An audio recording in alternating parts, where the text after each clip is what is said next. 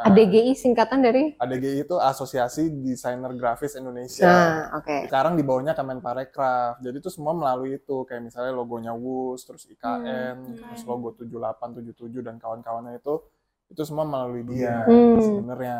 Hmm. Itu eh, prosesnya kalau di lembaga pemerintah. Kalau nah kalau misalnya yang ADGI itu sebenarnya dia nanti yang akan bikin sayembaranya, bukan pemerintahnya. Misalnya kayak eh, kementerian apa mau bikin lembaga apa, tolong dong ADGI bikinin sayembara. Hmm. Nanti brief-briefnya semuanya aset-asetnya dikasih dari ADGI Mm-mm. ke kita semua pesertanya, baru nanti kita buat, lalu kita nanti ngepresent ke ADGI. Oke, halo semuanya, kembali lagi di podcast Ngomongin Bisnis bareng gue Sisi. Aku Maria. Dan gue Kristo. Nah, jadi kali ini kita bakalan ngomongin tentang logo. Logo. Nah, dan logo itu kan di bidang kita ya. Jadi kayak eh, pas gue dengar gosip-gosip ini, kayaknya menarik banget nih kalau kita bahas di sini. Nah, gue tuh dengar ada satu logo, eh kalau nggak salah Barantin ya. Barantin. Nah, Barantin, eh, nanti coba deh, gue pengen tahu lu ceritain apa yang lu tahu tentang eh, kontroversial dari logo ini. Dari aku dulu kali ya. Boleh. Yang aku tahu tuh eh, itu tuh dia bikin sayembara gitu buat logo mereka si Badan Karantina Indonesia ini. Nah, dia kan kayak eh, mereka ini kan kem- kementerian ya. Mereka bikin sayembara dan banyak lumayan banyak yang ikut. Nah, terus ternyata pas hasilnya keluar itu yang menang tuh eh, orang dalamnya. Sebenarnya tuh nggak ada masalah dari orang dalamnya itu, cuman kayaknya orang-orangnya agak agak rame karena ngeliat hasilnya, hasil logonya yang yang Hmm. kepilih itu, gitu. Nggak ada, katanya sih nggak, yang gue denger tuh kayak eh, desainer lain udah bikin logonya, ada filosofinya segala, bagus. Tapi yang dipilih ternyata yang orang dalam gitu loh. Mm-mm. Gue kan lihat hasil akhirnya. Mm-mm. Nah, gue ngeliatnya tuh kayak eh, simbol gitu, emblem Hmm. kalau Iya. bahasa Inggrisnya. Ya, Oh, jadi eh, ya gue nggak ngelihat ini tuh sebagai logo gitu. Gue kira ya ciri khas aja namanya Betul. badan pemerintah ya Iya. biasanya begitu Hmm. gitu loh. Nah, eh, lu coba bayangin kalau lu yang ikutan lomba. Hmm. oke. Itu sebenarnya harus lapang dada ya. Namanya kan sayembara. Ya kemungkinan besar ya nggak kepilih gitu loh. Cuman setelah aku lihat di, aku tuh sempat ngecek Twitter dulu kan. Hmm. sebelum podcast ini aku ngecek Twitter dan beberapa yang ikut lombanya itu mereka tuh nge-share hasil logo mereka dan kayak ini nih hasil hasil logo gue pengen spill aja sih gitu terus kayak ternyata emang setelah aku lihat bagus-bagus dan bahkan eh, apa ya filosofinya tuh jelas-jelas ada yang kayak per perlambangnya tuh melambangkan apa ini tuh kalau di rotate jadi itu kayak gimana gitu sejelas itu dan Hmm. sebagus itu sebenarnya filosofinya Nggak apa-apa, dari situ kan kita jadi kelihatan skill kita. Oh, iya. Oh ya udah nggak apa-apa lah nggak menang. iya Oh, jadi kadang ya sombong itu perlu ya. Perlu juga. Iya, ya. gitu. Ya, mungkin memang mereka nggak suka, tapi buat gue logo gue keren kok. Oh. iya gitu Nah, itu dia tuh. Kalian tuh harus pede dengan hasil Betul. karya kalian sendiri dulu. Tuh. Jadi walaupun nggak menang, nggak apa-apa. Apa. Masih ada orang lain kok yang mau pakai jasa lo Iya, gitu. betul Nah kalau kalian sendiri tuh eh, pernah ikutan lomba-lomba kayak gini nggak sih sayembara gitu? Sayembara sih jujur nggak pernah, nggak pernah, nggak pernah sih gue. belum belum Sebenarnya kepikiran justru kayak sayembara misalnya logo 77, 78 yang Hmm. 17-an itu kan katanya emang terbuka untuk umum. Iya. Jadi Mhm. sebenarnya pengen sih coba-coba aja. Iya. Hmm. Coba-coba. Tapi belum pernah. Tapi belum pernah Belum. sih. Iya. Jadi cuman baru mau doang nih. baru Baru kayak penasaran aja gitu. Di sekolah nggak pernah gitu.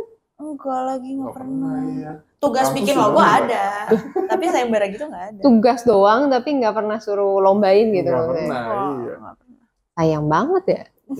Iya, tapi ternyata itu kan sering dibuka ya, maksudnya entah itu buat pemerintahan, kayak tender-tender gitu.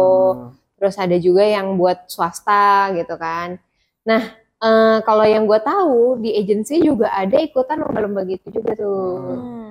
Tapi memang eh, harus menyertakan kayak eh, surat-surat gitu, kayak siapa yang bikin, CV-nya segala Hmm. macem. Eh, udah pernah ikut yang lomba-lomba plat merah enggak? Kayak gitu. Tapi menurut gue pertanyaan itu agak aneh sih. Iya. Karena kalau lu nggak pernah sebelumnya emang kenapa Iya. gitu kan? Nggak boleh masuk gue. Iya. Tapi maksud gue tuh dulu kita udah pernah juga di Melon kita udah pernah submit juga. Cuman ya karena kita ditanya udah pernah megang plat merah belum, Hmm. jadinya tuh agak kesulitan gitu. Hmm. Kadang mungkin mereka juga mau lihat kayak portofolionya mungkin kayak Iya. misalnya dulu kita pernah ikut sayembara apa, dilihat oh hasilnya begini gitu. Ya bisa juga sih. Hmm. Nah itu juga sebenarnya uh, bagus banget kalau kalian ikutan lomba atau sayembara atau apa pun itu kalian harus nunjukin kalau kalian tuh pernah uh, ngerjain hal yang serupa Mm-mm. gitu. Ya begitu juga kalau di pitchingan. Nah kalau lu kan udah agensi namanya sering nih. pitching, Iya. Iya. Iya. pitching. Agensi pitching namanya. Agensi namanya pitching nih. Nah kalau pengalaman kalian ikut pitching-pitching gitu ya kalian pernah lah ya. Ada yang Nah, menang, ada yang iya. kalah juga. Mm-mm. Nah, pengalaman kalian di pitching tuh gimana sih? Eh, dalam ngedesain misalnya logo deh, logo. Apa kalau logo sih kalau kita kan biasanya emang eh, klien misalnya minta, kita sih pasti kita bakal kasih alternatif beberapa Hmm. alternatif tuh pasti. Misalnya dari alternatif pertama eh, filosofi sama konsepnya apa, yang berikutnya juga apa. Hmm. Jadi itu beda-beda sebenarnya Iya. directionnya. Kan kita sebenarnya nggak mau ya, eh kita kan nggak tahu kayak misalnya brand itu eh, ada unsur kayak misalnya mereka maunya kayak gimana. Tapi kan kita cuma based on ngelihat brandnya itu kayak gimana, cocoknya kayak gimana, Dari arahnya pandangan ke mana. kita. Iya itu dari pandangan kita semua sebenarnya kayak gitu. Ya itu pernah sih ya kita kan adjust juga tuh. Kita sebenarnya suggest kayak gimana, Hmm. Tapi ternyata dari kliennya udah request untuk uh, color-color tertentu, Iya. bentuk tertentu yang ngebuat kita jadi ada limit-limitnya gitu Ya, ya. Iya. benar-benar ada batas-batasannya Hmm. sebenarnya jadinya. Sebenarnya itu kita nyari harus uh, combine sampai se-sweet spotnya tuh di mana. Kayak uh, kita tuh ngeluarin sebenarnya brandingannya tuh harusnya ke arah sini, Hmm, tapi emang kita harus kayak adjust sesuai kemauan klien lah. betul. Karena iya. kan gimana pun juga itu bisnis dia ya. Iya. Tapi itu kan sebenarnya kondisinya kalau mungkin udah goal kali ya. Kalau misalnya masih Hmm. pitching, harusnya sih dari pihak klien dia cuma ngeceknya eh, dari filosofi sama directionnya Hmm. tepat apa enggak nih. Iya. Baru nanti mungkin tinggal masalah bentuk-bentuknya aja itu nanti Iya. bisa direvisi sih harusnya. Berarti, nah itu agak subjektif juga tuh. Itu dia makanya. Lo kan bilang tadi eh, ini cocok nggak directionnya Hmm. segala macam. Tapi kan ada juga yang eh, berarti sebenarnya di pitching itu adalah ngelihat stylenya cocok nggak. Benar, Iya. stylenya dari stylenya. Dan kita pernah ibaratnya ngejalanin yang kayak kita pitching, Mm-mm. kita menang. Terus habis itu tetap aja disuruh utak-atik utak-atik Ya, terus. itu dia Iya. sampai berkali-kali ujung-ujungnya direction sama style berubah total. Berubahnya Nah, berubah kontrol, banget. iya. Iya. Itu Iya juga. dari yang seharusnya di awal. Mm-mm. Nah itu yang ngebuat kadang yang filosofinya itu nggak masuk malah jadi lebih ke arah simbol doang. Betul. Iya. iya. Sebenarnya memang kalau agensi, kalau kita memang kita bener-bener feedback dari klien apa yang kita mau itu benar-benar kita batasin, eh kita awasin terus lah Mm-mm. kayak supaya nggak keluar dari direction aja sih. Iya, dan kalau emang udah sampai ibaratnya udah mentok nih, Iya. ya kita pastinya ya namanya itu bisnis dia, ya kita akan tetap ikutin, cuman kita akan disclaimer dulu tuh di Iya. awal. Iya. Ini mungkin akan lari dari direction awal, Hmm. terus ini sebabin apa? Mungkin kayak eh, contoh orang tuh ngelihat suatu logo tuh bisa ketebak nih, oh ini bergerak di bidang apa? Betul. Iya, Iya, ada itu. ciri Iya, khasnya. ciri Yang penting khasnya. itu tiap soalnya. bidang. Ada yang contohnya kayak Teknologi. Teknologi. Teknologi itu. banget kan. beauty. Ya, F&B kayak gitu. Mm-mm. Bisa kasih contoh nggak? Misalnya eh, kalau F&B, eh, biasanya tuh ciri khas yang paling kalian bikin tuh apa sih? Kalau yang kayak makanan cemilan tuh biasanya fun gitu gak sih? Iya, bentuk fontnya Fun. mungkin font yang eh, Agak bebas gitu. Bebas, ya. Iya, Sebenarnya nggak agak free lah, kaku, nggak kaku. ya. Gitu biasanya. nggak harus serif atau sans serif nggak. Bener-bener dekoratif gitu ya dekoratif. jatuhnya ya? Jatuhnya Mm-mm. dekoratif sih. Gitu. Nah, mungkin ada yang nggak paham apa itu dekoratif, apa itu sans serif. Boleh kasih tahu nggak sih? Kayak Coba nih dijelasin. Setahu Nah, aku tuh kalau dekoratif ya, kita tes aja. Dekoratif. dekoratif tuh dia nggak terkategori dalam sans serif atau serif, dia tuh punya stylenya sendiri. Freestyle gitu. Iya, kayak nggak ada apa ya, nggak ada bentukan khususnya sih. Kan kalau misalnya sans serif kan eh, lurus aja gitu kan, polos, Hmm. minimalis, simple gitu kan. Kalau misalkan si dekoratif ini agak bebas aja gitu Hmm. bentukannya. Nah, tadi kan ada ciri khasnya juga tuh sans serif lurus, yang katanya ada lengkungan-lengkungan ujung-ujung itu, Itu serif. Itu serif. Ya ada ekornya Ada gitu ekor dia. Ya ekor gitu. disebutnya. Ah, soalnya mereka udah membawakan workshop ini nih. Iya. Kak Kristo sih. Iya, Kristo Oh, udah. iya waktu itu Kak Kristo yang bawain. Dia udah lama banget, soalnya udah Iya. bahas banyak. Iya.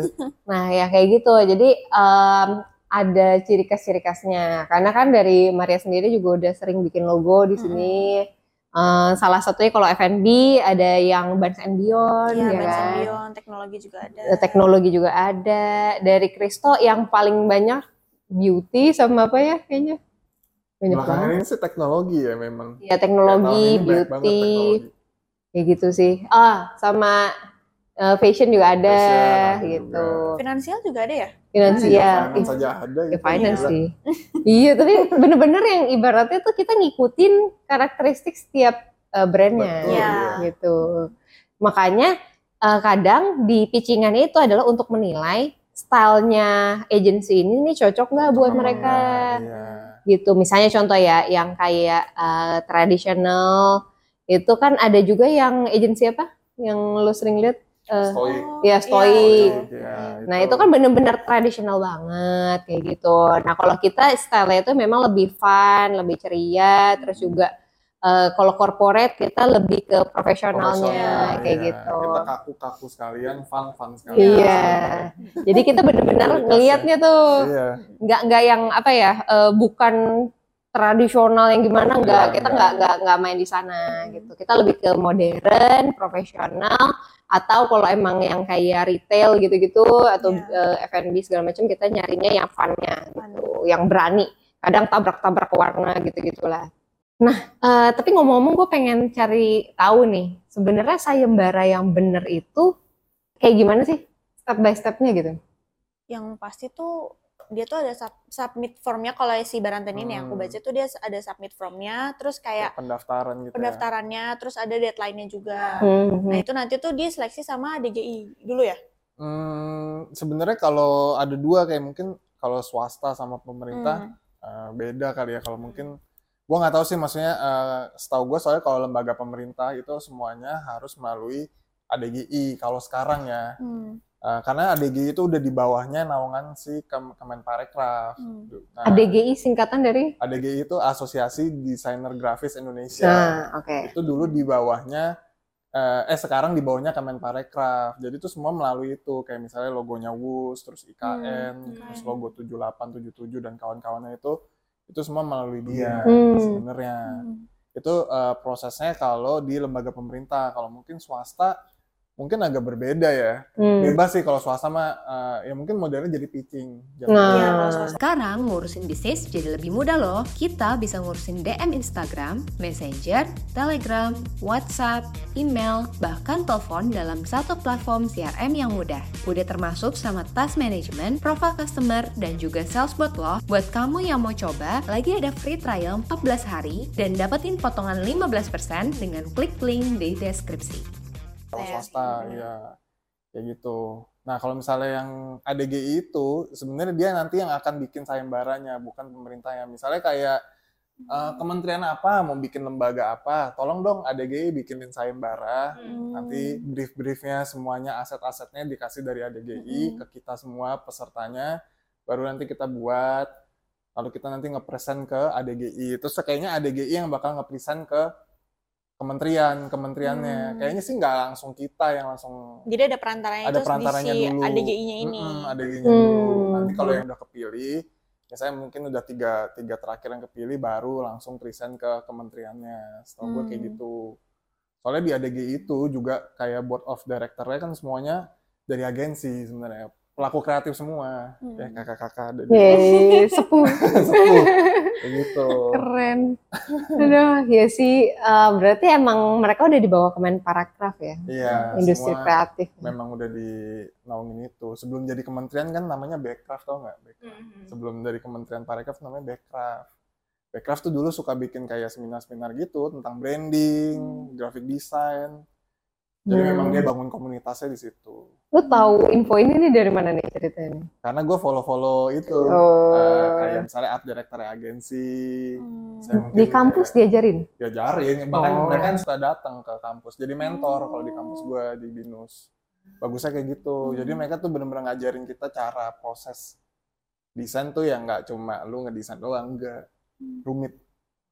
Mereka kan ngerjain logo bisa gimana satu tim gila. IKN tuh kalau misalnya kalian tahu logonya kan gila banget tim researchnya. Hmm. Logonya Ja- Jakarta, Iya, wah itu gila banget sih. Tim researchnya banyak banget. Tim research loh ya, bukan tim desain. Iya, Baru research. Beda lagi, baru research Hmm. doang tuh. Jadi prosesnya panjang memang. Hmm. Dan itu butuh berapa lama sih? Maksudnya eh, rata-rata ya kalau yang di Rata-rata ya. Mungkin kalau proyek gede, setahu gue dulu yang IKN tuh bisa setahun sih. Hmm. Kalau gedenya gede banget. Hmm, gede banget. Kalau tujuh yang logo tahunan itu tujuh tujuh tujuh delapan Indonesia kemerdekaan itu sih cepat sih kayaknya. ya itu cepet sih karena tiap Tiga tahun. ya. Tahun. Kalau ini kan bikin ibu kota baru ya. Iya. nggak mungkin asal-asalan loh.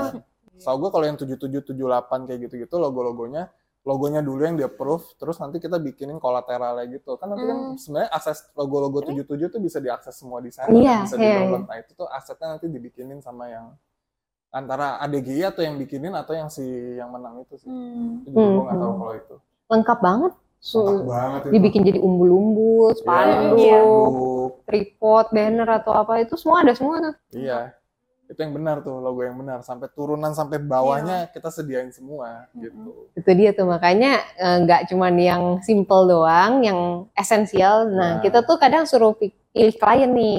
Kliennya mau yang esensial aja atau yang lengkap. Iya. Betul. Kebanyakan mereka mintanya yang eh, esensial aja. Esensial dulu kadang Nah, cuman itu dia tuh, itu kita harus PR-nya adalah ngejelasin ini esensial nih nggak bisa dipotong-potong lagi ya, nggak bisa nggak bisa logo doang, nggak bisa. iya udah itu udah paten Iya, udah. itu udah paten. Makanya ada banget. namanya aja esensial, karena itu udah harus punya. harus punya Apalagi yang turunannya itu. Iya.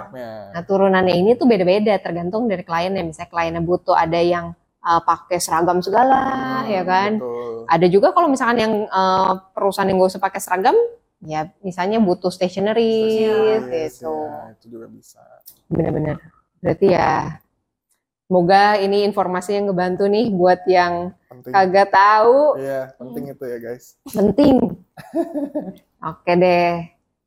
Nah, kalau misalkan eh, kalian nih ikut sayembara sama lomba, kalian tuh sebenarnya berharapnya tuh menangnya atau hadiahnya nih? Menang dapat hadiah, Kak. Mm-mm. Iya nggak sih? Iya, tapi lu lebih Sebenarnya tertarik ke- sama kepilihnya apa? gitu. Heeh. Sebenarnya kan kalau yang kayak si Wush yang baru ini kan dia tuh ke seleksi tiga ya. Hmm. Aku tuh minimal tuh pengen pengen aja gitu di display di seleksinya ini. Ketika nanti harus diseleksi ulang ya. at least dipilih gitu. sama Jokowi sih Ngadu.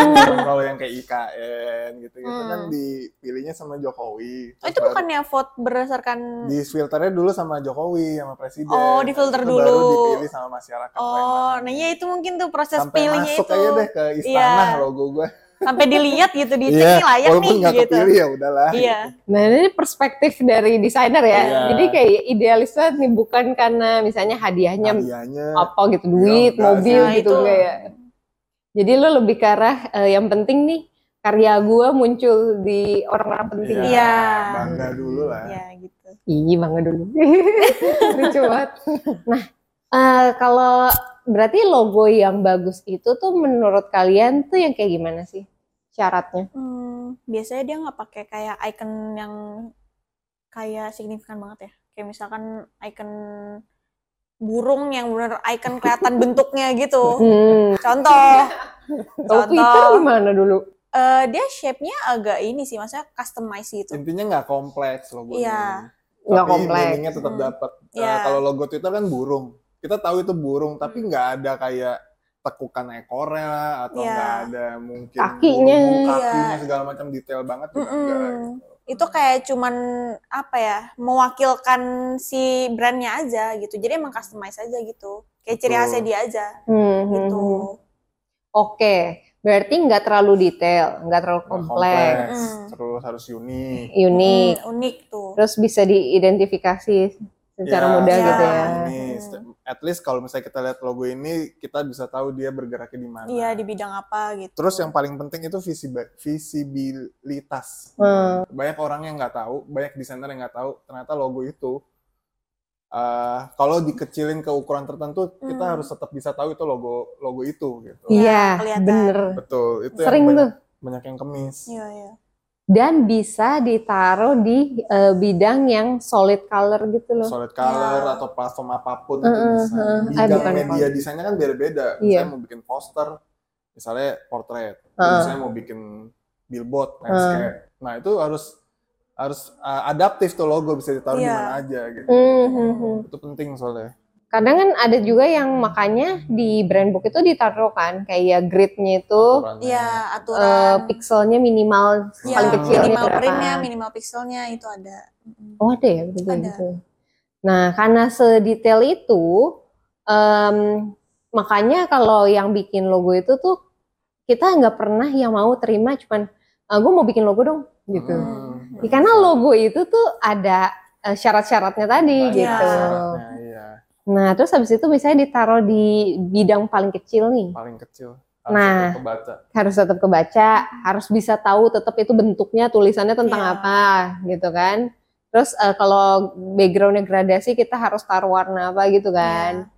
Dan itu kan ada boleh dan tidak bolehnya. Itu yang eh, ngebuat tuh brand kita tuh tuh tetap konsisten. Tetap konsisten di mana pun di media apa pun. Betul. Sekecil apa pun loh, bahkan sampai icon yang di apa tuh? Favicon. Iya, Favicon kecil banget kan? Oh, yang itu di itu. makanya logo Mm. tuh harus benar-benar sekecil formatnya sekecil apa pun lo Iya. harus bisa tahu itu logo Mm. kita gitu. Favicon buat yang kagak tahu itu yang ada di website Hmm. ada button kecil di tabnya tabnya. Nah. Nah itu tuh, itu namanya favicon.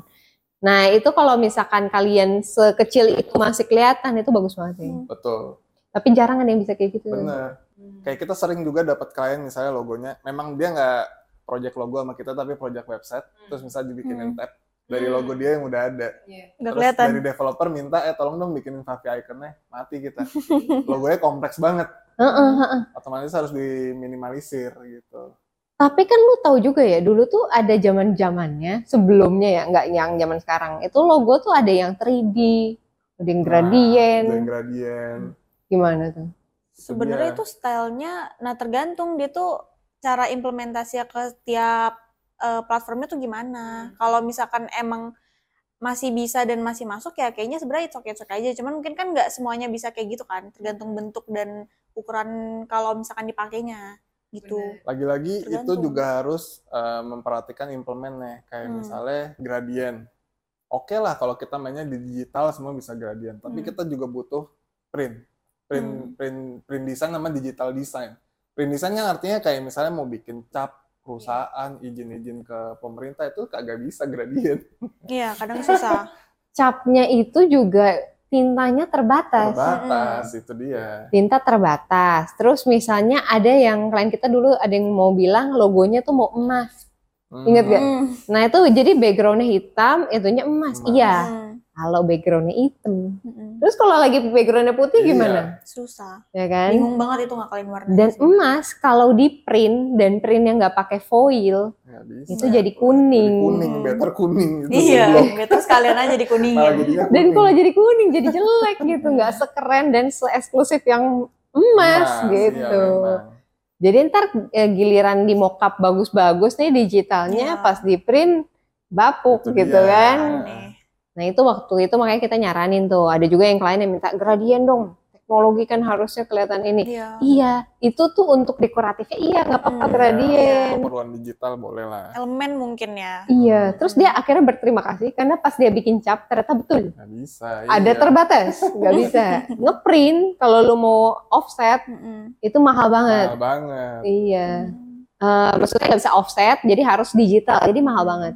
benar-benar Itu sih. Jadi eh, ada pertimbangan-pertimbangan yang kita udah ngerti kalau bikin eh, logo atau bikin identity untuk perusahaan itu tuh ada limit-limitnya yang kita udah berdasarkan pengalaman dari denger-dengar klien kita, oh ini ntar kalau dicetak begini, Iya. ini ntar kalau diaplikasiin kayak gini. Jadi dari pengalaman kita selama ini kita terapin ke klien-klien kita dan itu udah works. Jadi siapa tahu buat teman-teman di rumah yang baru bikin usaha atau mungkin udah justru usahanya udah lama, contoh kayak klien kita udah 30, 50 tahun baru mau rebranding, itu bisa banget uh, hubungin kita. Jadi kita biasanya kalau bikin logo ngapain dulu? Yang pertama pasti interview dulu Interview, ke kliennya. ya. Tanya dulu. Dia tuh uh, soal brandnya dia tuh bergerak di bidang apa, filosofinya tuh apa dari dari kayak ide dia bikin brand itu ya, kayak gitu. Jadi emang kita semua dimulai itu dari interview dulu. Kita dengerin dulu ceritanya mereka, kita rapihin jadi sebuah dokumen. Uh, bahkan kalau ada yang ngerasa kayak sebenarnya aku belum tahu nih filosofinya apa. Mm-mm. Nah udah kita cari tahu tuh. Ya, kita bantu. Kita bantu. Kita Bantu. bener-bener cari tahu bukan yang artinya kayak cuma nanya "Eh, ini sebenarnya kenapa sih dibikin perusahaannya kayak gini? Enggak, tapi malah kita personality orangnya, Hmm. um, passion dari orangnya pas bikin usaha ini, meng- membaranya seperti apa itu kita coba tulisin di filosofinya itu kayak gitu. Jadi semoga kalian uh, kalau cobain jasa kita puas, apalagi yang khususnya di branding ini yang emang Hmm. spesialisasi kita. Jadi uh, kalau kalian uh, butuh apa pun nanya-nanya tentang branding silakan komen di IG kita juga. Sampai jumpa di podcast selanjutnya. Dadah. Dadah.